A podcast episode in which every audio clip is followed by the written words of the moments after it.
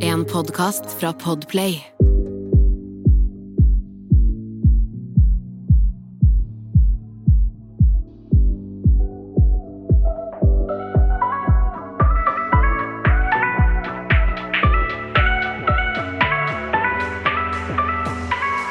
Eh, Du, Sonja. eh, Jeg har jo egentlig sagt hele tida før at jeg har jo ikke jodel. Eh, Og for meg så jodel er liksom Det trigger veldig mye inni meg. Veldig mye sinne og veldig mye sånn What the fuck is this? Ja, Uh, Og hvorfor fins det i det hele tatt? Men enig der. ja. Men så har jo uh, jeg i det siste Altså jeg får så jævla med skit tilsendt hele tida. Jeg, sånn, jeg vil ikke se det, men folk sender det til meg. Så jeg endte opp med bare Ok, slutt å sende, nå har jeg jodel sjæl. Takk. Ja.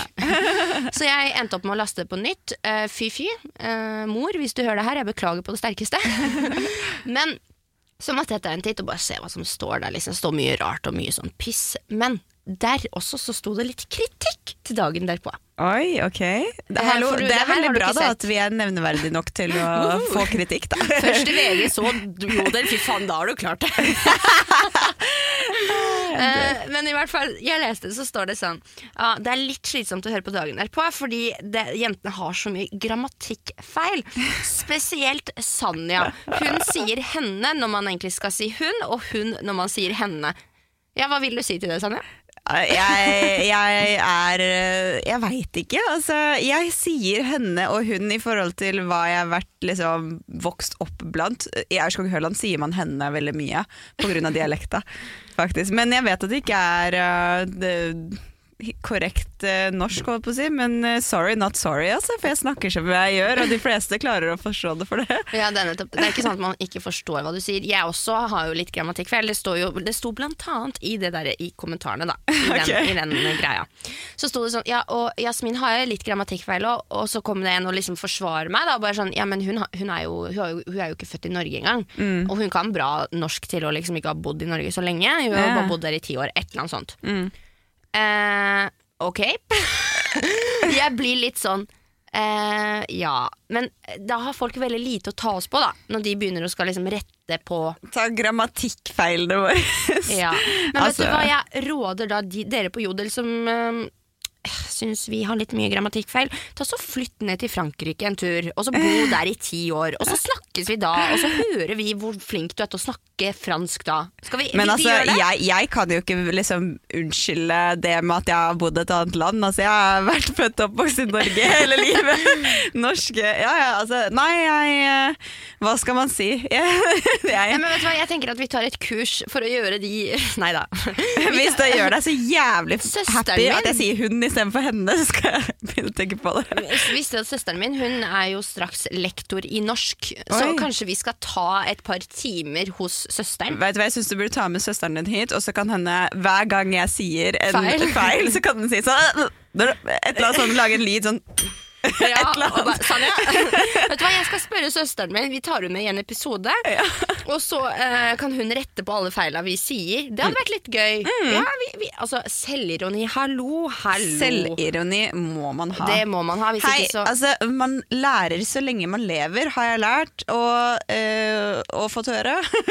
så Det da stemmer. tenker jeg at øh, jeg lærer meg sikkert henne, forskjellen på henne og hun etter hvert. Det går bra, Sanja. Du er bare 25 år. Hei, jeg er bare 25 år, jeg burde, burde Gjør ikke noe om at jeg ikke veit forskjellen på det ennå. Nei, det gjør ingenting. Men altså, snakk om gjest. Drit i søsteren min, beklager. Eh, ikke drit i søsteren min, men eh, vi har jo en gjest i studio i dag. Velkommen. Frida. Velkommen. Velkommen, velkommen. Så hyggelig at du hadde lyst til å komme og gjeste dagen derpå. Ja, Så hyggelig å bli invitert. Herregud. Ja, men så klart. Jeg var rett oppi gata her. Ja, du er rett oppi gata. Frida, jeg tenker at jeg bare gir ordet til deg. Eh, hvem er du? Hva er du? Hva gjør du? Først og fremst er jeg et menneske. Nei, altså jeg er Frida. Frida Pomberg. Mm. Uh, jeg er 20 år. Født i 2000. Eh, og så er jeg vel det man kaller gründer. Ja, og det er så spennende. For det er litt det vi skal snakke om i dag. Ja. Blant annet. Uh, Vi skal også snakke litt om eh, selvmord, uh, for vi har jo opplevd det begge to. Ja. Ikke vi har ikke tatt selvmord, da, Nei. men vi, vi har opplevd at noen nær oss har gjort det. Og men først av alt, du er jo gründer, og du mm. eier jo din egen salong i Norges mest kjente gate. I en alder av 20 år. Jeg bare minner dere, denne dama her er 00. Ja, det er ganske sykt bare det, altså. Frida. Herregud, du Det er mer enn hva jeg har fått til. ja. Fem år eldre. Jeg kan ikke forskjell på henne og hun ennå, så ja. Her har du sett opp egen business. Du er flink. Takk. Ja, du er kjempeflink. Og um, du driver jo da salongen By Frida P. Og jeg er jo grunnen til at vi kjenner hverandre Eller har lært å kjenne hverandre godt. Da, det er jo fordi jeg er jo ambassadør for By Frida P. Ja. Hva syns du om det? Det liker jeg veldig godt. Nei, altså, når eh, du kom første gangen, så tenkte jeg sånn for skal jeg he helt Ja, ja. ærlig, så Her er vi helt ærlige. tenkte jeg Jeg hadde jo sett på Paradise. hva er det å si her, liksom? Hva, hva har vi til felles? Ja, Jeg har ikke selvinnsikt. Eh, og her er dronninga av selvinnsikt, tenkte jeg nå. Så jeg har jo en tatovering på kragebeinet som står ufiltrert på. Så selvinnsikt er ikke så mye av. Men ellers alt bra. Eh, frisk og rask. Ja, ikke covid heller. Men eh, så da ble jeg veldig sånn Ja, OK, bare være imøtekommende. Ok, bare Mm. be myself. Vi tar sant? det som det kommer. Yes. Ja. Så legger jeg på benken, da. Og så tenker jeg sånn Ja. det første jeg spør om, er Hvem er du, da?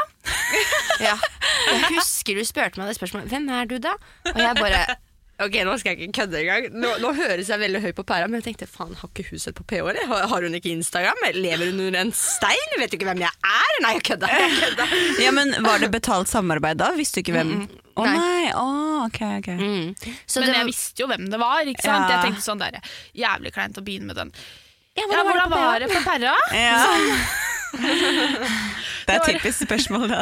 For så vidt. Ja, ikke sant? Så jeg var sånn, ja, hvem, hvem, hvem er du, liksom? Hva, hva står du for?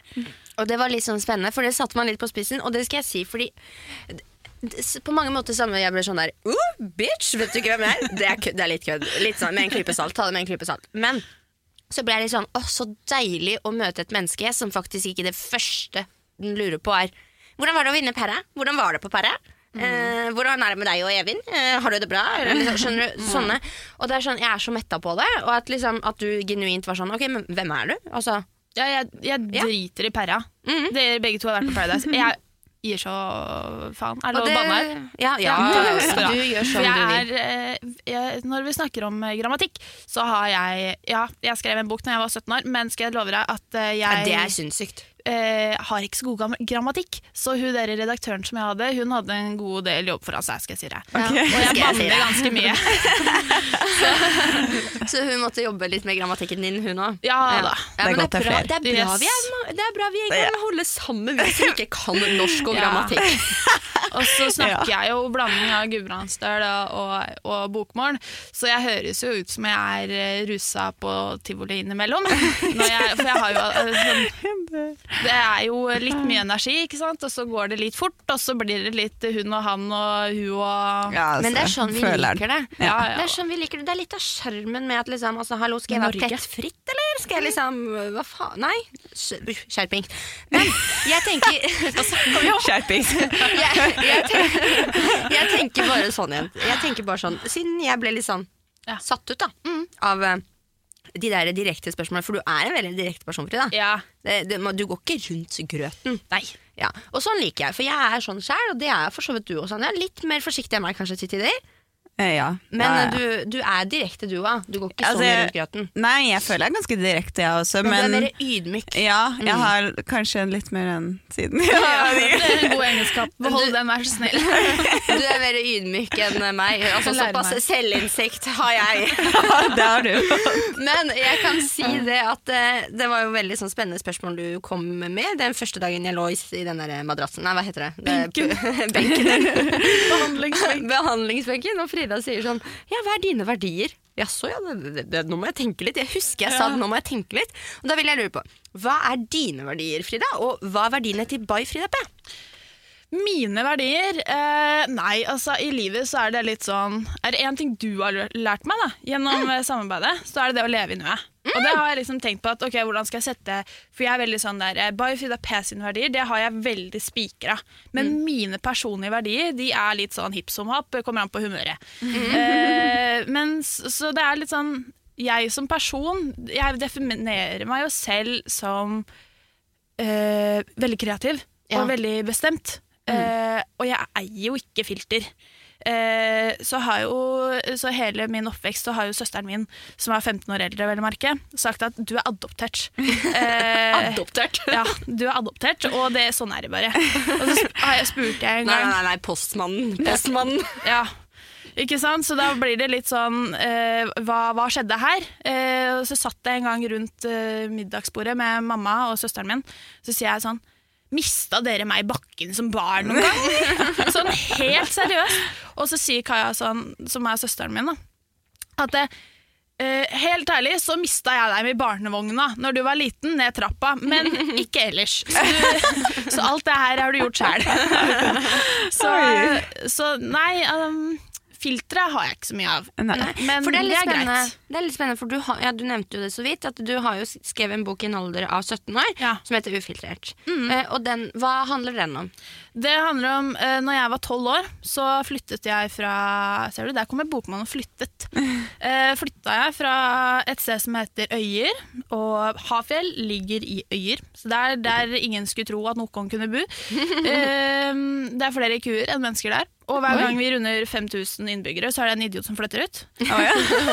Så eh, Så da er jeg sikkert studere eller noe. Men eh, så da flytta jo jeg til eh, Lillestrøm. Mm. Og ja. det var jo veldig overgang. Mm. Fordi vi var liksom Vi var to klasser, og det var A og B.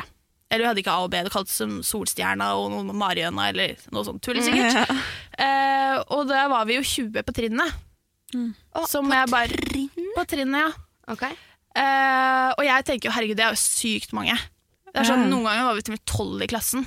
Shit. Så, eh, for vi hadde asylmottak der, så da hadde vi jo inn, folk Ah, inn og ja. ut hele tiden. ikke sant? Idioter som flytter inn og ut. Ja. Pass deg. jeg da, det, det var ikke Jeg skulle bare ta den kødden din Liksom. Og da, da var det sånn første møte med, med, med mennesker som eh, vet hva narkotika er, som vet hva sex er, eh, ja, alle de tingene der, og et kjøpesenter. Strømmen storsenter, liksom! Hva er dette?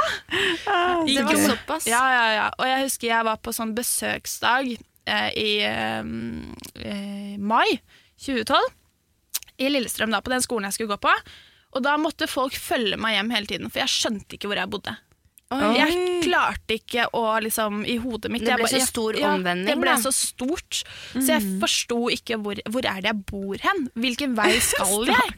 Så det var jo helt Det var jo kjemperart. Så boka handler jo om det å liksom flytte fra en bygd til en by, og det møtet med alle de nye tingene. Altså så mange mennesker. Vi var jo A, B, C, D, E og F Ja. på Ja. der jeg starta, ikke sant?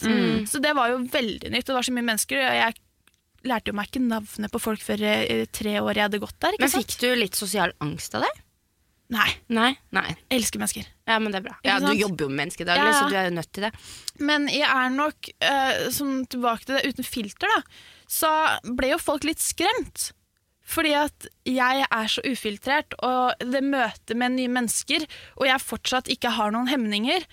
At mennesker som faktisk har hemninger, og er kanskje oppdratt til å ha litt hemninger fordi det kommer inn Litt nye mennesker. ydmyke, liksom. Ja. Ja. Så jeg tror mennesker ble litt redd og litt skremt av meg når jeg kom dit. Og så er jeg også nysgjerrig, så jeg skal jo teste ut alle miljøer og alle, alle mennesker, ikke sant. Mm. Og gå Det er inn- en veldig bra kvalitet, da. Ja, helt til du havner i feil miljø. Ja. Eh, så da ble jeg jo, gikk jeg vel litt inn i feil miljø i 2012, tenk, nei 2014. Hvor gammel var du da? Da var jeg 14. Ja. Eh, ja, så klart du er 00, det det er lett å regne ut. Så da ble det vel litt mer den guttastemning som drar til Oslo S for å røyke seg steine, og den type gjeng, da. Og jeg var vel mest den tilskueren, den dumme tilskueren som bare Hva er dette her for noe? Uten å liksom måtte prøve det sjøl. Ja, du- Fordi den nysgjerrigheten hadde jeg aldri. Mm. Og så var du, helt, du var kanskje mer sånn Du var bare nysgjerrig på hva er det de gjør, hva skal de Ja, hvorfor vil de det her? Ja. Mm. Men alkohol begynte jeg å drikke i tidlig, tidlig alder. Der ja, var det er jeg- vi flere om. Ja. Når begynte du, Sonja?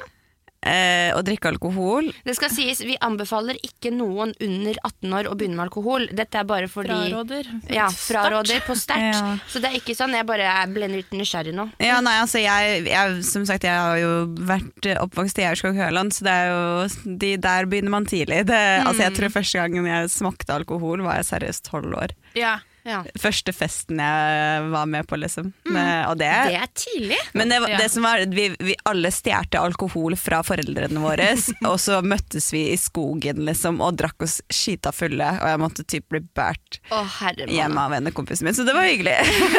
Kjempegod. Altså, første gang jeg ble fjortisfull, da, jeg, da gikk jeg i åttende klasse, og jeg syntes jo det var litt hyggelig. Og, altså, jeg er jo alltid vært litt sånn voksen av meg, så jeg hang litt med de niende og tiende og sånn, og de begynte jo å drikke, i hvert fall de tiende. Og da var jeg med de på en eller annen Det var en sånn sommerfest ute ved vannet i Fredrikstad. Ute på Foten, heter det. Og så hadde jeg da fått en sider. En Smirnoff Ice. Eh, Jeg gikk i åttende, og så da drakk jeg den. To slurker. Fy faen, folkens, jeg begynner å skjønne det! Ja, det er jævlig lættis! Sånn var jeg da. Og etter at jeg hadde drukket opp den ene da Smirnoff Face, da var jeg sk- skitings. Jeg trodde det sjæl, da. Ja. Så, var, ja. så det, det siste, mitt møte med alkohol, mitt ekte møte med alkohol, var i 10. klasse. Meg og venninna mi inne på soverommet hennes stjal brennevin til faren hennes. Drakk til vi døde, nærmest. Og mora kom og skulle da Sjekke. eh, sjekke, og så fant hun meg liksom lignende på gulvet og bare ja. Ja. Så eh, da var det ganske kjennepleiken når jeg kom hjem til mor og far. da eh, ja. ja. Litt husarrest og litt sånn det ene og det andre. Så vi, du vil ikke ha husarrest, du vil ikke drikke deg dritt-dritings før du faktisk er voksen nok til å skjønne hva det innebærer å drikke alkohol. Ja. Men helt ærlig, jeg tror de fleste prøver alkohol før de er 18. Altså. Ja. Dessverre så har verden blitt sånn. Ja, jeg, Men, tror eh, det, jeg, jeg ser for meg at det er flere folk som kan relatere til at de eh, liksom ja, endte opp med å være, bli altfor full og spy første gangen de drakk når, fordi de var sånn 14 år. Liksom. Så. Ja, det er sant. Det er Er det én ting faren min har sagt til meg hele livet? Konsekvenser, Frida! Du må tenke konsekvenser! Og da tenker jeg den konsekvenser med en sånn Hellstrøm-stemme. Ja. Ja, ja. Som at det er Eivind Hellstrøm som sier det til meg. Med den der litt sånn røykestemmen. Ikke at pappaen min har det, vel å merke, men jeg tenker Hellstrøm i huet mitt. Når han eh, Står over deg. Ja. Du er ikke kokken min! Litt sånn konsekvenser, Frida! Truls, du ser ut som en forvokst dverg. Ikke sant? Sånn, tenker sånt. Men pappa er jo bare snill og god og alt det der. Men eh, konsekvenser, Frida. Du må tenke konsekvenser. Men det er så viktig det med konsekvenser. At man skal tenke seg liksom Jeg har blitt mer bevisst på det jo eldre jeg har blitt. At liksom før jeg gjør noe, eller før Til og med når jeg skal sende sender en snap, så tenker jeg mm, hvilken konsekvens har det for meg? Der er jo dere to der, Jeg er jo ikke en offentlig person, og takk Gud for det, for å være helt ærlig. Uh, for jeg ser jo så mye bivirkninger ved det. Ja, du ser jo hvor skrullete vi er. Men altså, jeg tenker jo ikke konsekvenser ved å tenke, sende en snap, ikke sant? Fordi at det er jo ingen som vil screene den og, og legge ut det Nei, på det på Jodel av meg. Mm. Uh, for jeg er bare Jeg er Frida. Oh, ja, nei, Men jeg, jeg trenger jeg- ikke å snakke med ukjente folk. Oi, oi, oi. Jeg tenker at de, de snakker med meg for å henge meg ut eller drepe meg. Ja. Men altså, jeg syns eh, det du sier om konsekvenser, at eh, vi på en måte vi, vi må tenke over det mye mer, og det må vi jo også. og Det, det hadde du sikkert lagt merke til også, Jasmin, men jeg syns faktisk det er sykt irriterende. Fordi jeg mener også at man lærer ved å gjøre feil. Så innimellom så må man feile for å lære, Ja. ikke alltid bare 100%. ikke tørre å gjøre det fordi du er redd for en konsekvens. Nettopp. Litt som denne VG-saken med Sandra og Christian. Ja. At det ble, det ble en så stor greie, og det var jo søksmål, og det var, det må, det var ikke måte på. Og da liksom Ok, vil vi være Vise sannheten og være dønn ærlig i podkasten vår, eller skal vi sitte som to gråmus og snakke om hva vi spiste til middag i går? Ja, det er Ja. det. Vi, altså, og, og jeg tror Jeg har en sånn liten sånn derre motto i livet om at eh, jeg, jeg, jeg lever for å prøve ut på en måte livet. Jeg lever for å prøve ut absolutt alt, gjøre alle feil som finnes på lista. Fordi eh, uten å gjøre feil, så føler jeg ikke at man har levd eller lært noe, helt ærlig. Men altså, mammaen min eh, fra ung alder så har hun alltid sagt sånn, ja, vet du hva, du kan gjøre hva som helst. Altså, du kan til og med, dette er drøyt, du kan til og med drepe en mann, Oh og jeg hadde vært glad i deg for det, og du hadde lært av en feil. Altså, så klart, henne ville ikke anbefalt meg å drepe en mann, hun sa etterpå, ikke ta det, holdt på å si, som at det er lov. Ja, men men- hun satte på spissen, henne liksom. satte på spissen at uansett hvor stor feil du gjør, så har du alltid noen som er glad i deg, og det er viktig å gjøre litt feil for å på en måte utvikle seg selv. Da. Fordi du- Kjempeviktig. Ja, så ja, ja. Det er, jeg er litt der også, men det er definitivt smart å tenke over konsekvenser innimellom, eh, og egentlig alltid, men jeg syns også det er veldig viktig å trosse Leve. litt konsekvenser og grenser innimellom for å ja, utvikle seg, da. Men sånn er jeg, og jeg er liksom som liker å teste litt folk, jeg. Ja. Og det høres litt psycho ut, men jeg, og det kan godt hende at jeg er psycho. Det, Jazz jeg er litt psycho. Men jeg liker å teste litt For, La oss si jeg, jeg driver og snakker med en fyr. Så er det litt sånn hm, Ok, nå skal jeg teste han litt. Nå skal jeg se om han liksom er helt Eller om han er tutu. Så jeg ser etter red flags, liksom. Ja. Og da, da, test, da kan jeg finne på å spørre noe helt random, bare for å se hva han svarer på det.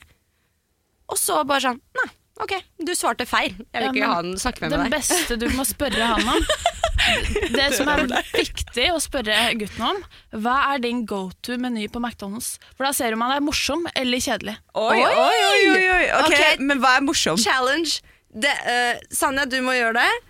Nei, du, du har jo kosegutt. Ja, ja, ja, men jeg må jo sjekke ut hva, Ja, hva han liker. men, å du vet ikke, du vet, du vet ikke ennå? Nei, jeg vet ikke. Men, eller, vi har vært på Mækkern, men jeg husker faen ikke hva vi har Nei. bestilt. Men det var ikke dumt, for da skal jeg gjøre det. Ja, Jeg driver og snakker Fordi litt Hvis han eh, bare sier en double cheeseburger, det er jo dritkjedelig. Ikke Ja, sant? ja, Jeg, første dagen jeg møtte kjæresten min, faen, det er så sant! ja, første dagen jeg møtte kjæresten min, så tok jeg meg på Mækkern. Ja. Hva bestiller du? det er det smarteste jeg har gjort. Og da fant jeg ut, vet du hva, Emil? We are meant to be. Hei, hva var det han valgte? Ja. Dobbel Big Tasty Bacon med cola og en Big Mac ved siden av. Oh Det er jo God. helt nydelig! ja. Hei, Jasmin, hva er det du pleier å bestille? Jeg, jeg bestiller Ok, jeg er litt rar, da. Men enten så er det Big Tasty Bacon også. Er Uten, uten bacon. Ja. Og så, noen ganger så får jeg litt lyst på den der veggie fra Mækkern. Den der Åh, veggisburgeren. Åh, nei, den er så god. Så den, Smaker taco. ja, men jeg er jo litt drittperson òg, så det går, funker bra. Og så ja, men liksom, Det sier jo litt om en person. Jeg liker noe godt. Jeg er både bra og jeg er både dritt. ikke sant? Og så, og så bestiller jeg chili cheese. Altså Det er must, selv om jeg ikke orker å spise de opp. Så Ja, bare har jeg dem til frokost. Liksom. Og så eh, bytter jeg på annenhver gang mellom søtpotet og sånne annen fries. Vanlig fries. Mm. Hva med deg, Frida? Jeg har jobba på Mækkern, og jeg har jobba på Burger King. Oi. Jeg kan alle hemmelighetene. Så jeg er jo den verste personen hvis man hadde hatt drive-in med meg, for jeg har jo ikke lappen, ikke sant? så jeg må jo sitte i det andre setet. Jeg er den verste personen man kan dra på Mækkern med, for jeg er sånn Ja, du, jeg skal ha en uh, fish wrap uh, med ost uten eh, løk, med ekstra ost. Eh, og så skal jeg ha søtpotetfries istedenfor eh, pommes frites. Og der skal jeg ha en garlic dip, og jeg skal ha og en McFeast dip. Og så skal jeg da ha en eh, milkshake, og da skal det være sjokolade. Og så skal jeg gjerne ha en McFlurry ved siden av. Og da skal det være med McFlurry, med Nonstop og Dime i samme. Du, er, du er såpass? Ja, ja, ja, ja. Det er helt krise, liksom. Det er ikke gøy å dra på Mækkern med meg, skjønner du. Nei, altså Det er sikkert gøy å dra på Mækkern med deg, men å være den som tar imot bestillingen, er litt verre. Nå, nå har jeg bare, har jeg bare et, et, et, sånn kjapt spørsmål. Ok, Hvis dere spiser nuggets, hvilken dip, hvilken dip har du, Sanja? Barbecue. Hva har du? Cheese. Barbecue. Oh yeah! Ok, men Det var egentlig bare det jeg lurte på. Jeg spiser nesten aldri Mækkern.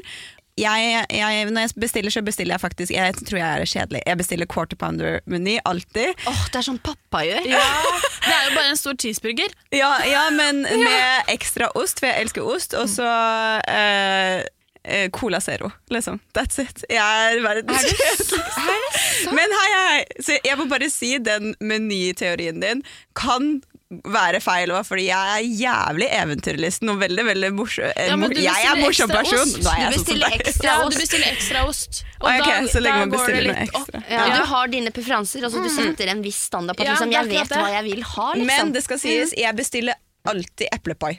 Det er syttig. Fordi Vent, jeg hva? Eplepai har jeg aldri spist på Den er Mækkern. Jeg elsker den eplepaien, helt ærlig. Med is, det er så godt.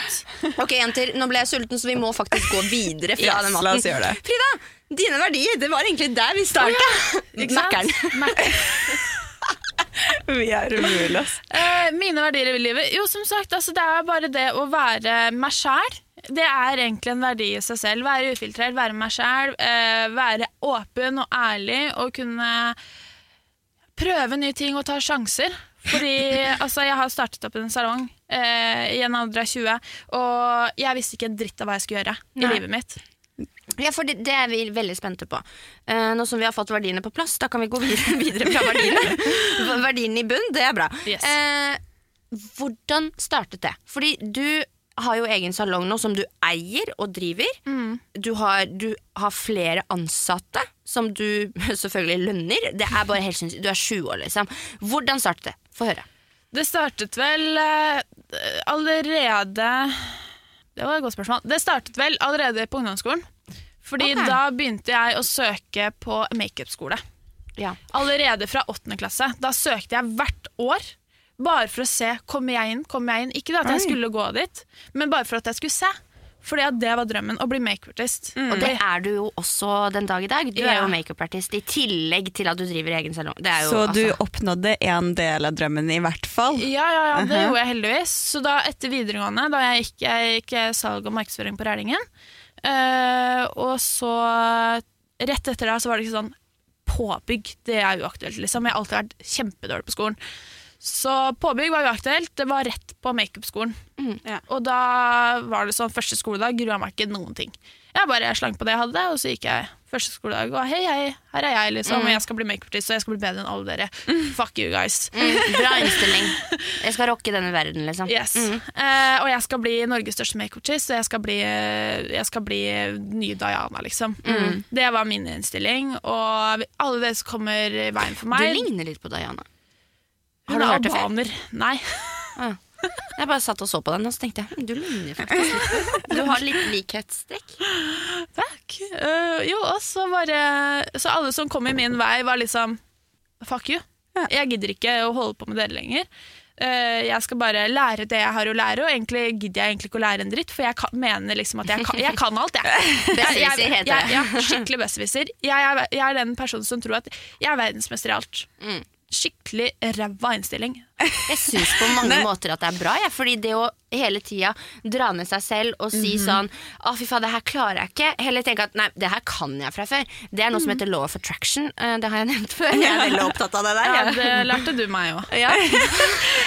og det er liksom Det er bare det å liksom seriøst bare eie seg sjæl. Tenke at det her klarer jeg å se. Det her har jeg allerede fått til. Fy faen, da kommer du langt i livet, altså. Tror Ja.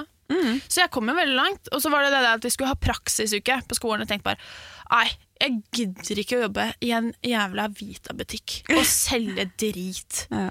Det er ikke my cup of tea, ass. Så jeg tok og sendte en DM til Erlend Elias. Og bare 'halla, du, jeg har praksis på skolen. Jeg går her og her.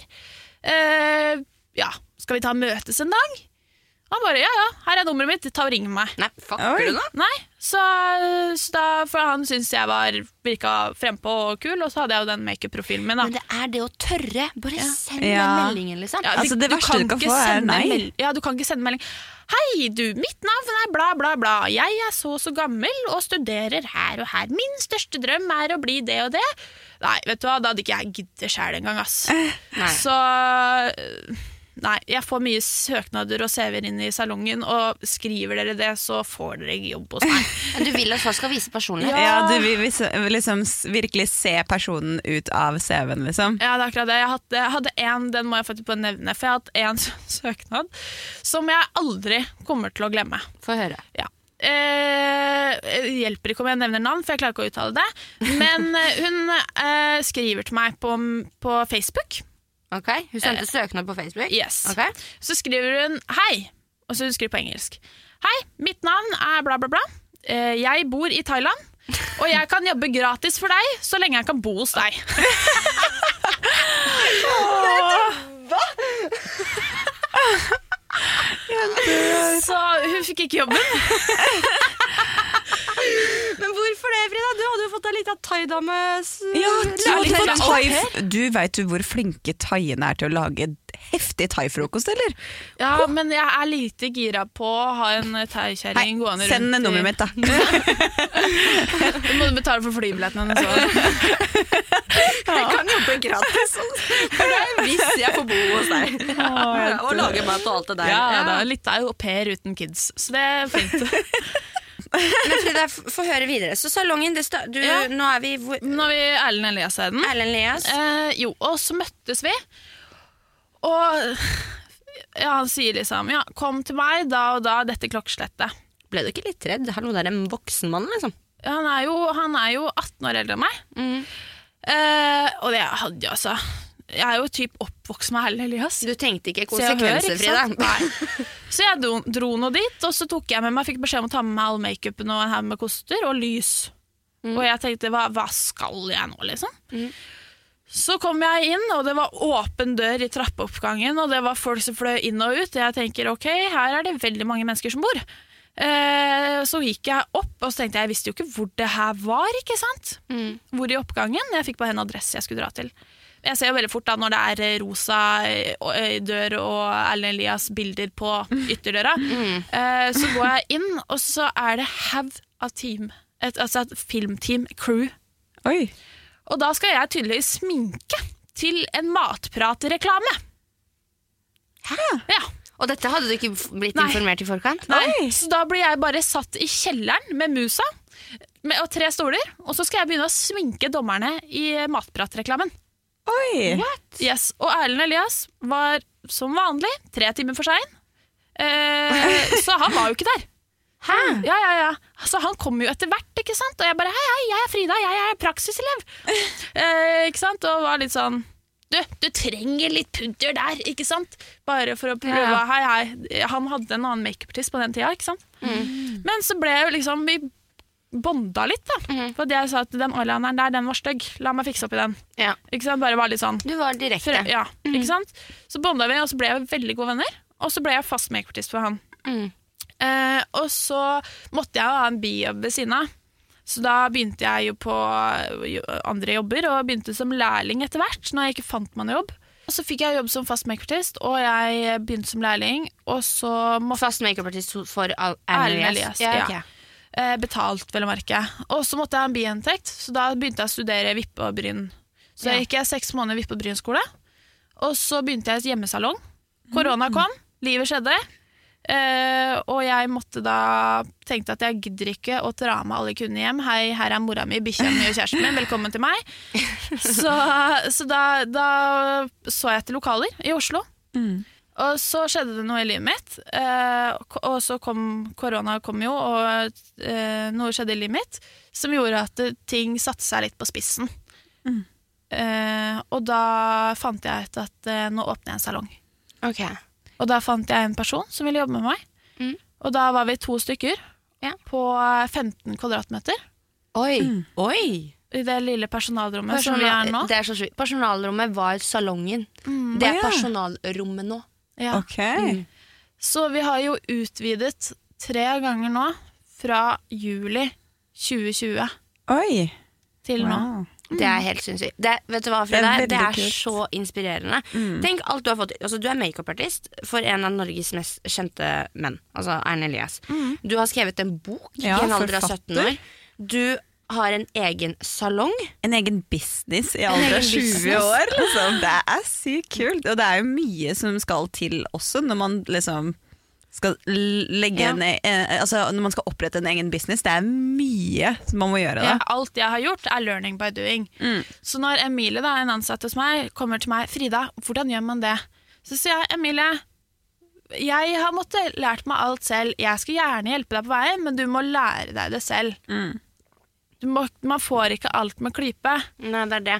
Det er veldig, veldig, er veldig, veldig sant det der. Og til alle jenter og gutter der ute, det er så viktig, viktig å ta tak i sitt eget liv hvis man vil få til noe i verden og i livet generelt. Ja, Når det kommer- definitivt. Når det kommer til boka mi, for eksempel, den ga jeg ut som indie-forfatter. Altså, jeg ga den ut sjøl. Jeg Ja. ga ikke den ut via noe forlag.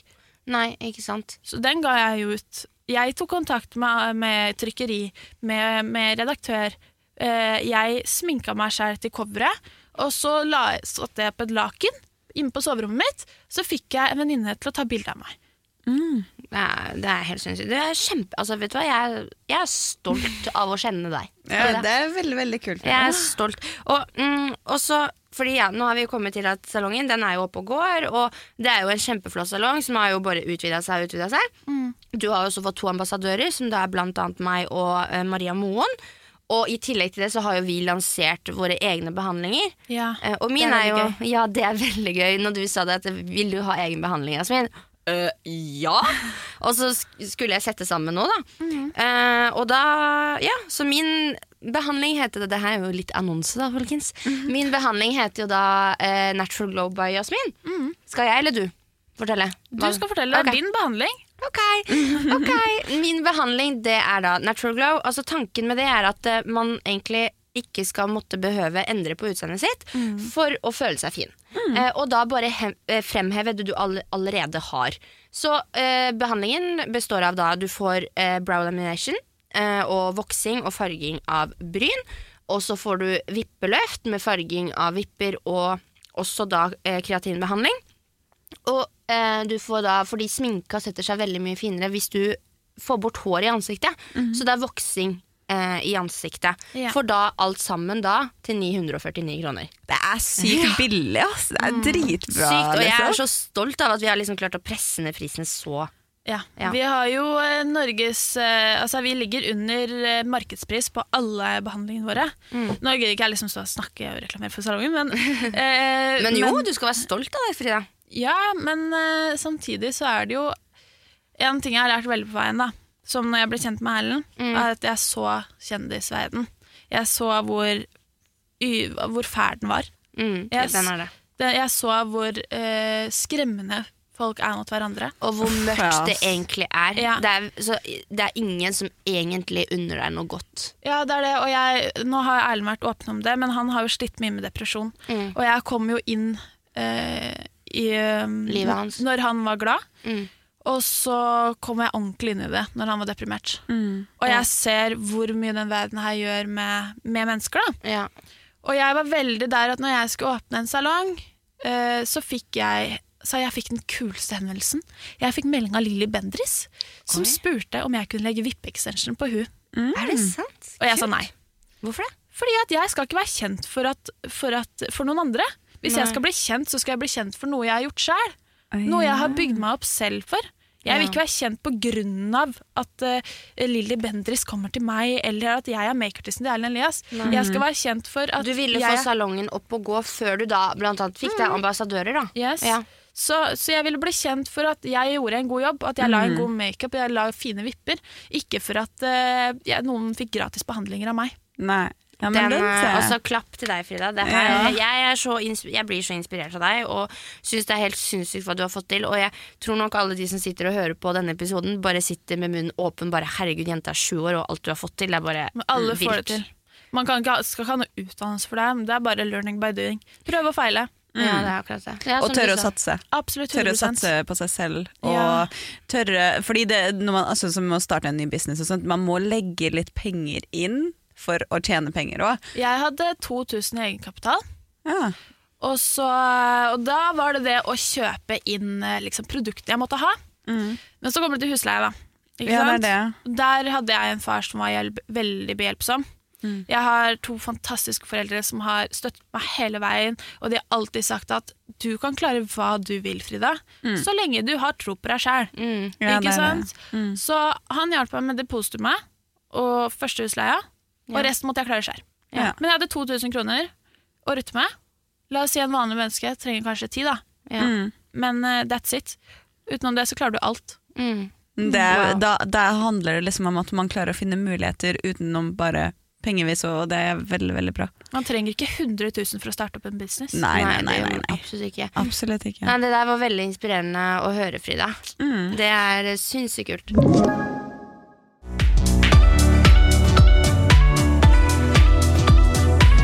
Ja, som vi eh, snakka litt om innledningsvis, så eh, nevnte vi jo at vi kommer til å snakke litt om selvmord i dag.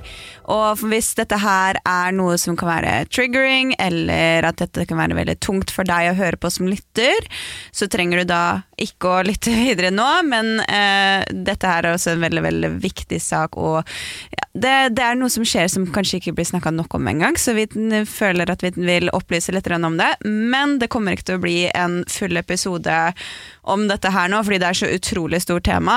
Uh, gjerne send oss en DM på Instagram om dere vil ha en egen episode der det bare omhandler dette.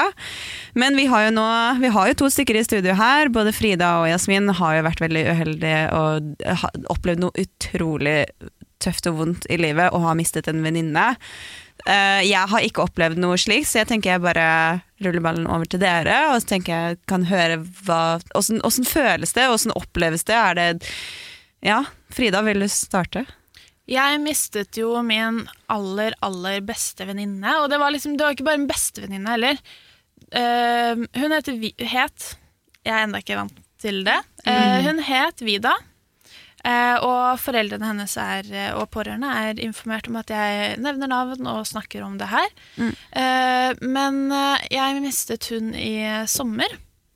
Fordi hun var veldig bipolar og hadde bipolar lidelse.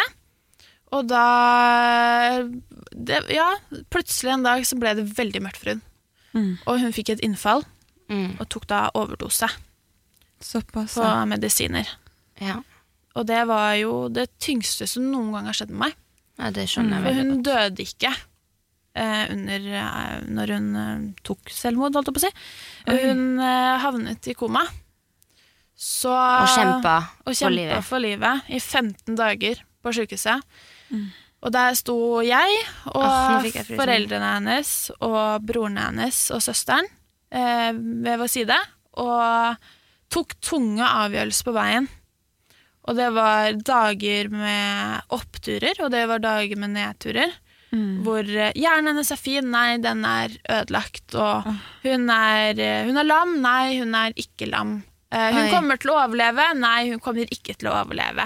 Mm. Uh, sånne Du satt på pinebenken. hele tida. Det, det var som å være rusa på, på Tryvann, holdt jeg på å si. På tivoli, Ja. ikke Tryvann.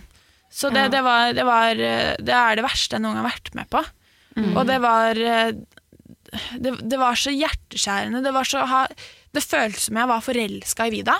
Fordi at jeg hadde så kjærlighetssorg Mm. hele tida. Og jeg, vi holdt jo det hemmelig for hele verden at hva som hadde skjedd med Vida.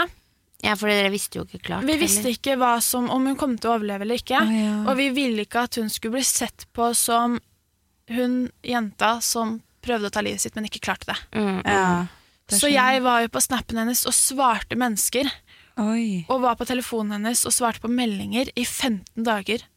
shit. Og latet som jeg var hun. Jeg hun. fikk helt sånn frysninger av det her. Og det var helt jævlig. Og jeg opplevde jo noe i etterkant, da, når, når vi offentliggjorde at hei, Vida jeg tok livet sitt den 25. mai 2020. Um, og døde 9. juni. Eh, og da fikk jeg et så stort hat over meg.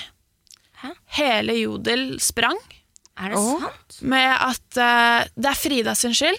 Det er hennes skyld at Vida døde. Hæ? Og hvorfor det? Fordi at Hva jeg for var bestevenninna, og jeg skulle ha sett det. Hva? Det her er det ja, Du tror ikke det den dag i dag? Nei, men Bra. eh, jeg, visste jeg, altså, jeg, jeg var jo så langt nede, jeg var jo så såra. For vi, det som var så rart med meg og Vida, det var at vi, vi hadde veldig mange venner, begge to. Og var, Men det var dere to. men det var Vi valgte å kun ha hverandre. På, på, en- på en måte at vi Greit at vi kunne henge med andre, Mm. men vi måtte ha tracking på hverandre. Vi måtte vite at ok, det går bra med deg, og det går mm, altså, ja. Hvor lenge siden har du vært aktiv? Og liksom hele tiden ha kontroll på hverandre på en ikke en usunn måte, men på en sunn måte i form av at vi var så utrolig redde for hverandre. Og vi snakket jo på at det, det, det verste som noen gang kunne skjedd, det var at en av oss døde. Ai. Og det var liksom det vi snakket på, da. At uh, vi var jo sammen hver eneste dag, og hvis ikke vi var sammen, så var det sånn Herregud, hva gjør vi nå? Ja. Ikke sant? Men eh, altså, det, det, er jo ikke sikkert Klarer du også Du som på en måte var bestevenninnen hennes, da. Mm. Så du på en måte noe som helst hint til at det kunne ha skjedd? Altså Merka du noe forskjell på henne? Sa henne noe som du liksom ble sånn Oi, hvorfor sier henne det? Og så Nei, men det går sikkert fint. På en måte. Fordi det er jo veldig lett Ja. å gjøre sånn i hverdagen, liksom. Så liksom Men det er så vanskelig også å liksom Nå snakker jeg av egne erfaringer. Og liksom man, man, Det første man tenker, er Det er jo ikke det at noen vil ta livet sitt. Ikke Nei. sant? Så selv om personen sier kanskje noe litt sånn Å, det der var litt rart sagt. Så Man vil jo aldri ikke, vil aldri at, tro det, nei, nei, Så det er litt sånn vanskelig. Det er kjempevanskelig, men jeg tenker bare sånn et, Du har sikkert tenkt masse. Ja, eh, på man hva, tenker liksom- jo veldig mye. mm. Hvordan var henne den siste tiden? Merka du liksom Ja. Hun var på en fest eh, noen dager før, Mm. og de som var på den festen, jeg var ikke der, eh, de sa at de aldri sett Vida så glad. Og det som er med å ha en bipolar lidelse, er at det går så innmari mye svingninger. Altså det er som en derg-og-dal-bane. Det er dype daler og høye fjell. Eh, og du vet aldri når den dalen kommer. Det er ikke sånn at det plutselig kommer Eller det er ikke sånn at det bare går gradvis nedover. Eh, men jeg snakket jo med henne tidligere på morgenen denne dagen, som det skjedde. Okay. Og da eh, og Jeg skulle til legen fordi jeg har veldig vondt i hendene mine. Eh, og hun var veldig bekymra for meg. Hvordan går det med deg, Frida? Og jeg hadde fått kink i ryggen, så jeg klarte nesten ikke å gå. Eh, så, så hun var veldig sånn ah, Skal jeg være med deg til legen? Skal jeg følge deg? Hvordan, hvordan, hva vil du at jeg skal gjøre, Frida? Jeg var sånn Du, bare ligg hjemme, slapp av. Eh, du skal få slippe, for hun hadde akkurat flyttet til Oslo. Eh, og så sa jeg at jeg ringer deg når legetimen er over. Eh, og så ringte jeg hun, og så svarte hun ikke. Og så ringte jeg hun en gang til, og da svarte hun. Og så sier hun at hun var veldig lei seg. Og jeg lurer på hva, hva skjer? Få snakk med meg, liksom. Bare ta og snakk med meg, vær ærlig. Hun bare nei, jeg, jeg har kranglet med noen. Og jeg bare ok, hva er det for noe? Hun bare nei, vi, kan, vi, snakker om det vi snakker om det i morgen, for vi skal møtes dagen etter. Mm. Uh, og så sier hun at det, det, det går greit, men at hun Men at det er viktig at hun at hun snakket om det med Ja. deg. Ja. Ja. Uh, og hun ville veldig gjerne snakke om det, men hun ville snakke om det dagen etter. Mm. Og så var hun veldig bekymra, fordi at eh, når hun var på videre, gikk på videregående, så kan man ta opp lån og stipend, selv om man går på en offentlig skole, og da hadde hun tatt opp lån.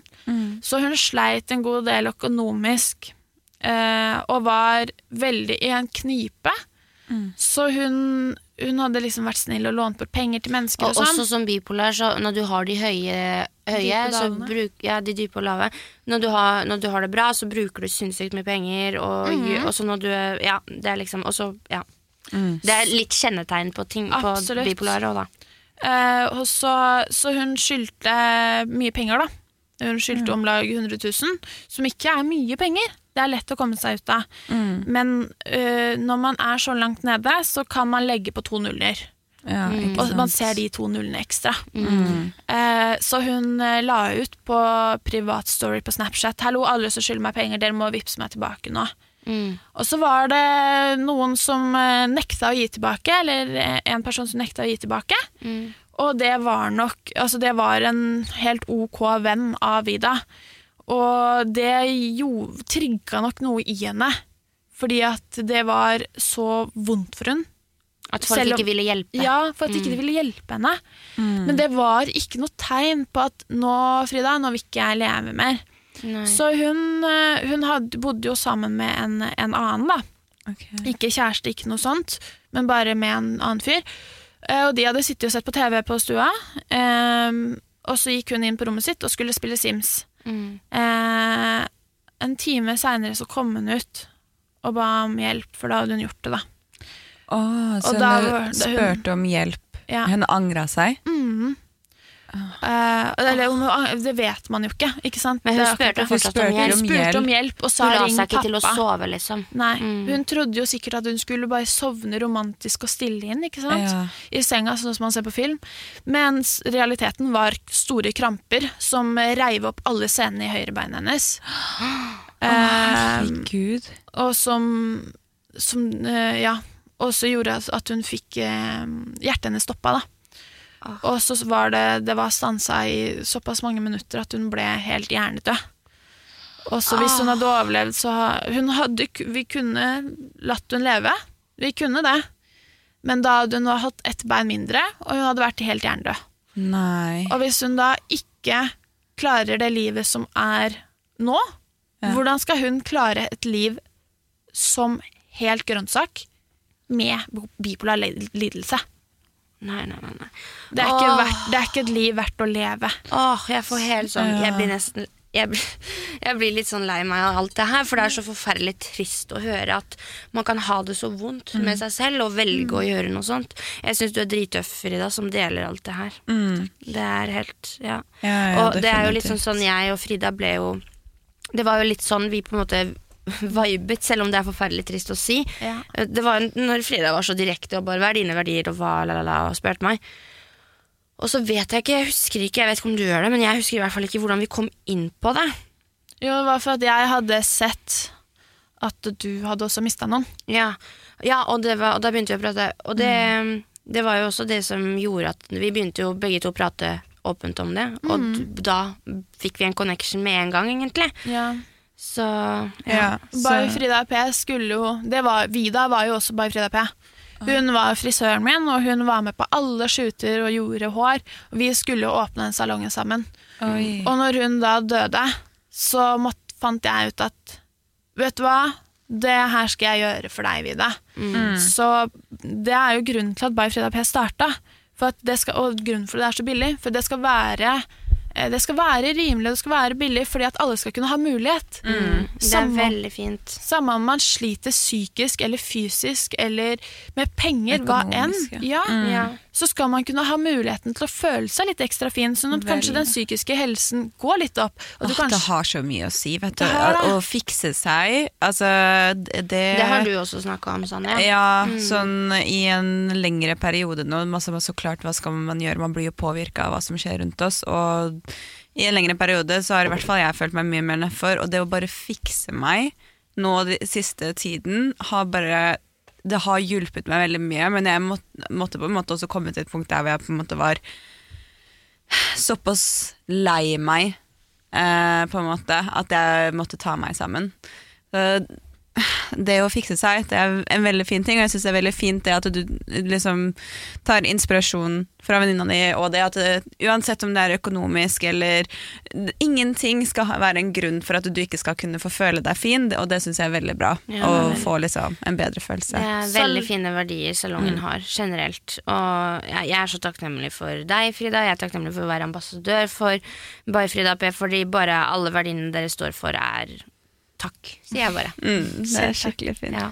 Men det må jo ha vært litt uh, Altså, du reagerer jo mye på dette, her, Jasmin, og det er jo sikkert fordi du har jo også vært igjennom det og mistet en venninne. Mm. Jeg vet ikke om du har lyst til å fortelle litt også Jo, om hva som har skjedd? jeg var jo forberedt på at vi skulle snakke om det her i dag. Uh, jeg kan jo si det sånn, uh, for meg så er det litt annerledes, fordi jeg deala ikke med det Mm. på veldig lenge. Og så traff det meg veldig hardt. Ja. Eh, jeg kommer ikke til å nevne noen navn, og jeg kommer ikke til å liksom gå i fortelle hvordan det ble gjort, men jeg kan fortelle at jeg også fikk på en måte overfor meg selv, ikke noe på liksom Jodel eller noe sted, det var jo ikke sånn at folk visste det, men jeg fikk, jeg fikk mye kommentarer og mye dritt for at det skjedde da, og for at jeg ikke deala med det der og da, når kanskje alle andre deala, det, deala med det. Jeg hadde min måte å deale med det på. Eh, og dette var jo da Dette var en veldig, veldig god venn av meg. Vi var eh, sammen nesten så å si daglig, og eh, jeg husker jo veldig godt at Sorry. Jeg husker veldig godt at før jeg dro til eh, Mexico, eh, så samlet vi oss, eh, vi i jentegjengen, da. For vi skulle liksom si ha, vi skulle si ha det til meg da, og liksom preppe meg litt. Ja. Og da kom jo hun ene venninnen min, hun da som valgte å ta livet sitt. Hun kom jo inn på rommet, og så sier hun til meg eh, Jasmin, vær så snill, åh, jeg vil ikke at du skal dra til Mexico, jeg trenger det her. Jeg vet ikke hva jeg skal gjøre, sier hun. Og jeg bare, nå men du, kjære, alle de andre jentene er jo her, og det her er jo ikke lenge, det er ikke sikkert jeg skal være borte en hel måned engang, det kan hende jeg kommer hjem mye mer før, men jeg trenger den turen her, jeg trenger å gjøre det her, liksom, og ja, og ja, og så var hun sånn, ja, det går fint, og jeg skal klare meg, og sånn. For hun, hun var også ikke en person som delte veldig mye sånn personlig. Hun var veldig reservert. Veldig, folk kan tol kunne tolke henne som en veldig sånn vanskelig person å komme inn på. Ja, hun var veldig utadvendt, men veldig sånn, man vet ikke helt hvor man hadde henne, fordi det, hun var liksom Hun lot deg ikke komme inn på henne, da. Ja, jeg skjønner. Eh, men hun, jeg og hun hadde den relasjonen hvor hun delte mye med meg, og hun hadde jo, jeg visste jo at hun sleit jo med mye, men ikke at det var så alvorlig. Eh, fordi hun fungerte jo normalt. Hun hadde jo mange gode venner rundt seg, hun jobbet, og hun studerte, og hun levde livet sitt, liksom. Ja. Som en vanlig tenåring eller ung voksen jente. Og så reiser jeg til Mexico, jeg kommer hjem igjen, og da har det oppstått noe, en misforståelse mens jeg da er i Mexico, eh, som har skjedd. Eh, så hun var skuffet over meg for noe som hadde skjedd. Eh, jeg går ikke inn i dybde på det, men det var noe vi var skuffet. Og vi hadde avtalt at ja, men vi skal møtes den og den dagen. Og så kom premierefesten eh, til Paradise Hotel, og det var da eh, en mandag. Eh, hun valgte å ta livet sitt natt til mandagen. Eh, og da var det jo, det har jeg snakket, sagt litt før, og det, det var ingen som eh, det var ingen, altså, det, Folk visste det, men det var, mine nærmeste valgte å ikke si noe til meg, for de visste at jeg hadde en stor dag, jeg skulle på premierefest, og jeg hadde jo selvfølgelig ikke dratt dit, hadde jeg visst det, liksom. Så det var ingen som sa det til meg. Uh, men litt sånn som du sier, da, at hun venninnen din Vida Frida, som var kjempeglad eh, rett før alt det her skjedde, sammen med denne venninnen min, det var det, Jeg vet ikke, og jeg kommer ikke til å sette ord i munnen på henne, for det vet jeg jo ikke. Men om det var fordi hun kanskje hadde bestemt seg da, for at nå skal jeg avslutte. For den siste tiden, som jeg har fått høre Jeg, var jo ikke, jeg hadde jo ikke vært med henne, for jeg hadde jo vært i Mexico og sånn. Ja. Hun hadde jo vært veldig glad og veldig sånn hadde, Skrev lister om ting hun ville gjøre og finne på, og dette skal vi gjøre hver søndag, og vi skal besøke det, og det ble sånn Hun virket bare veldig glad, og helgen før, da den altså samme helg, samme helg da, som hun valgte å avslutte livet sitt, så var jo hun ute og var med venner og kosa seg. Det er det. eh, Så det er liksom Ja, det var så Og vi da Hun tok jo livet sitt natt til mandag. Vi skulle møtes på onsdagen og da prate ut om det som hadde skjedd. da Så du fikk aldri fiksa opp med henne? Nei. Eh, og ja. Det har vært det tyngste for meg. For det siste jeg snakket med henne om, det var Jasmin, ikke dra til Mexico, jeg trenger deg. Mm. Det var det siste. Eh, og da jeg fikk vite dette, da, dagen etter premierefesten på tirsdagen, så jeg mista jo hodet. Jeg husker jeg gikk, tok, når jeg fikk vite det, kasta mobilen i veggen, jeg gråt og gråt og gråt og gråt. Tok på meg sko, og jeg bare gikk og gikk og gikk. Og jeg vet ikke hvor jeg gikk engang, men jeg gikk lenge. Ja. jeg husker jeg ringte Jenny og var sånn Du må komme til meg nå. Jenny kom med Emil, de visste jo ikke hva som hadde skjedd. Og da så var jeg jo med Jenny og Emil og Martin og Carl. Og de hadde jo det de, altså, Det påvirket jo ikke dem på samme måte som selvfølgelig meg, da. Nei, nei. Så de prøvde jo å muntre meg opp, og sånn, og så ble jeg sånn Ok, Jasmin, nå har du gått lenge, du har gått en lang tur, du har grått, ta deg sammen. Det, det her fikser du, liksom. Du har, det, er, det var jo mye press fra før av. Ja, jeg skjønner. Så jeg gikk jeg bare, Det var akkurat som jeg tok en bryter i hodet mitt og bare sånn Ok, nå, nå, Nå er jeg ferdig. Nå, nå har du det bra, liksom. Nå har jeg det bra. Nå er jeg ferdig. Det, det her skal jeg ikke deale med. Det her kan jeg ikke deale med. Jeg har ikke, jeg, ikke at jeg ikke har tid, men jeg, jeg, dealer ikke med det her nå. Og da begynte den snakkisen, fordi jeg levde jo livet mitt som da normalt. Eh, Og folk da fra samme sted som meg og den venninnen min, da, begynte jo å snakke Og bare sånn Ja, men Jasmin, hun bryr seg ikke. Og hun bare lever, hun lever i den bølgen, og hun la, la, la, la, la. Eh, og fy faen, skjønner ikke hvordan hun har samvittighet til det. Fy faen, for et råttent menneske. Jasmin. Og jeg fikk den så mye, og jeg bare overslo det. Og, tenkte, og ble så jævlig forbanna inni meg, og tenkte Hvem er fuckings dere til å si hvordan jeg Hva vet du om hvordan jeg dealer med dette her? Ja, ja. Om Kanskje det er min måte å deale på det, å drive med ting 24-7 for å ikke tenke på det. Og jeg ble så lei det, Jeg ble så lei meg av det. Og til slutt så Ja, så tok det meg skikkelig, og så husker jeg dagen det var begravelse. Da, var- det var jo i verste korona, så det var jo ikke sånn ordentlig eh, Begravelse. stor begravelse, men man, man kunne se det Se det på sånn livestream eh, for de som ikke fikk vært der. Eh, og jeg hadde tenkt å dra helt til at når det ble så mye snakk av folk rundt som kjente oss, som mente at jeg ikke deala med det, så bare Jeg klarte ikke å dra i begravelsen, for jeg ville ikke. Jeg hadde ikke lyst til at noen skulle si til meg eller spørre meg eller et eller annet, eller peke Komme fingeren med på noe meg. frekt. Liksom, Ja. sånn, 'Hvorfor er du her? Du brydde deg ikke. Du viste ikke noe ja, jeg, Så jeg jeg turte ikke, så jeg satt jo og så på den livestreamen og så på begravelsen, og jeg husker det, det er en av de verste dagene i 2020. Mm.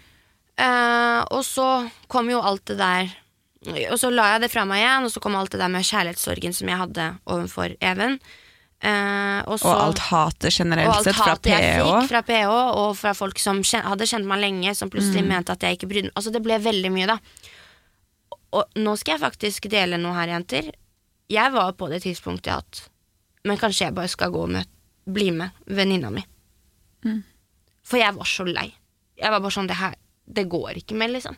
Det ble for mye for meg. Kanskje det her er et tegn, liksom. For meg òg. Og jeg, jeg tenkte mye på det, og det ble så ille. Og det er også en av grunnene til at jeg måtte flytte hjem til mor og far og bare få det bra med Få det bra med meg selv igjen, da. Eh, ja.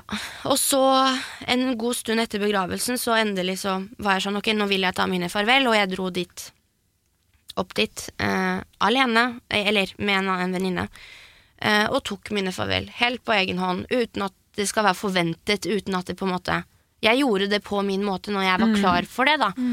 Uh, og nå i ettertid, når jeg tenker på hele den tiden og hvor forferdelig det var, så tenker jeg, vet du hva, jeg driter i hva enn et menneske skulle mene eller si om hvordan jeg takla det. Ja, herregud. Jeg gir så faen fordi Min sorg er ikke den samme, samme som Frida sin sorg overfor Vida. Det er ingen som skal definere følelsene for følelsene man sitter med uansett. Altså, når, du har, altså, når du har opplevd et dødsfall rundt deg, altså, det er ingen som skal fortelle deg hvordan du skal deale med det.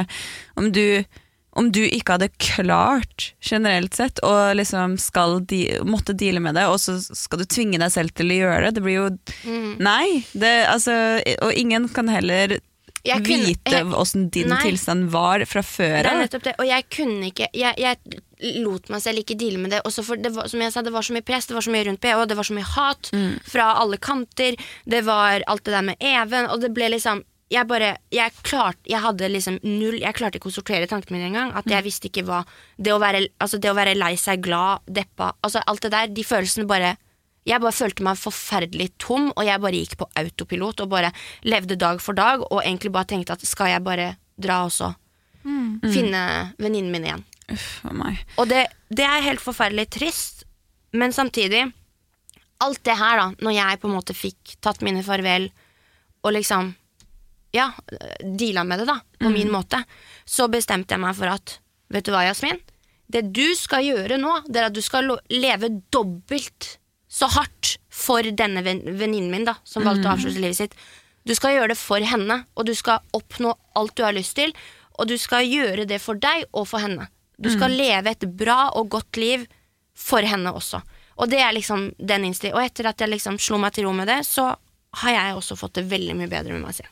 Det er veldig, veldig godt å høre.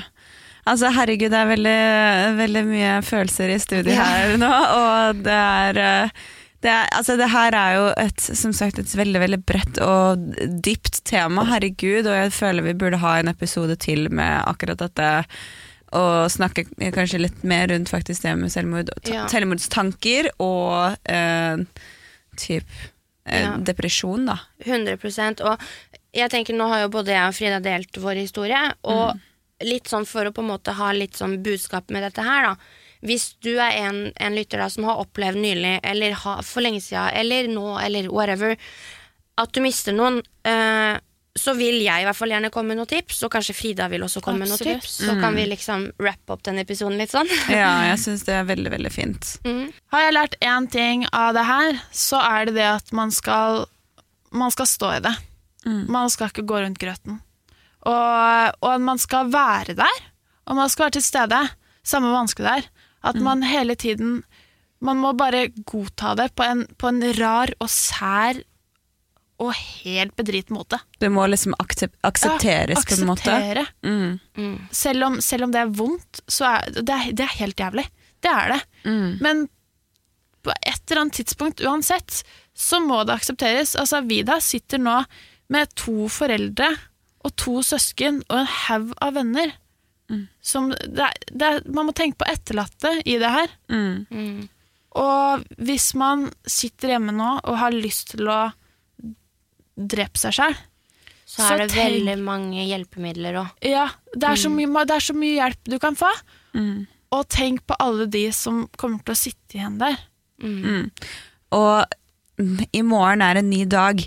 Ja. Hver gang, tenker jeg, hver gang du har en sånn utrolig vond tanke, eller er close med å kjenne noe som helst de, mot den veien, tenk, vet du hva, i morgen kommer en ny dag.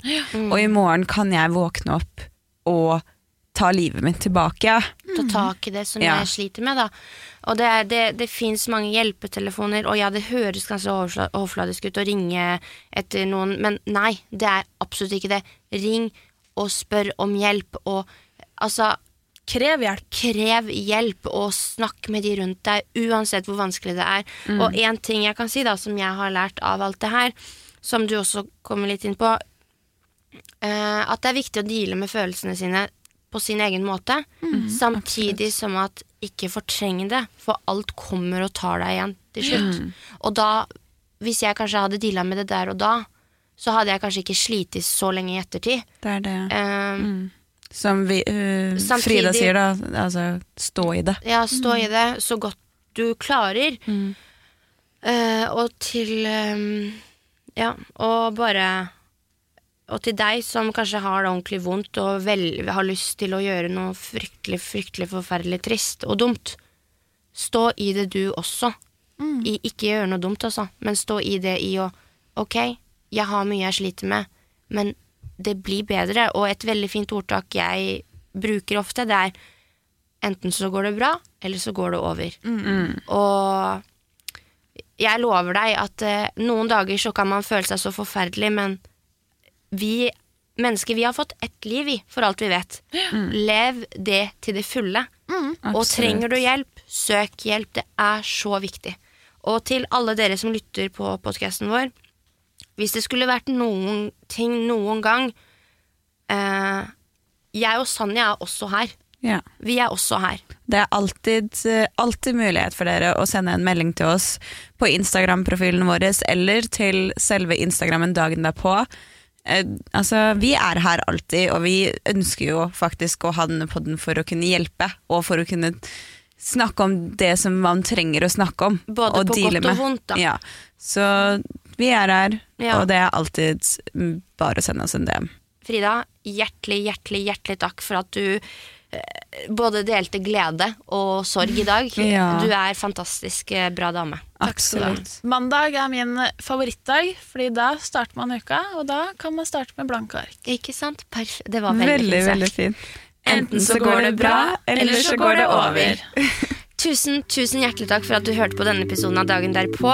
Og husk å følge Instagram-kontoen vår. Jeg og Sanja vi er som sagt alltid der og prøver å svare alle. Og ja, nok en gang takk til deg, Frida.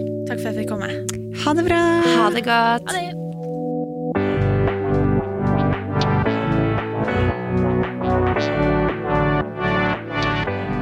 Du har hørt en podkast fra Podplay. En enklere måte å høre podkast på. Last ned appen Podplay eller se podplay.no.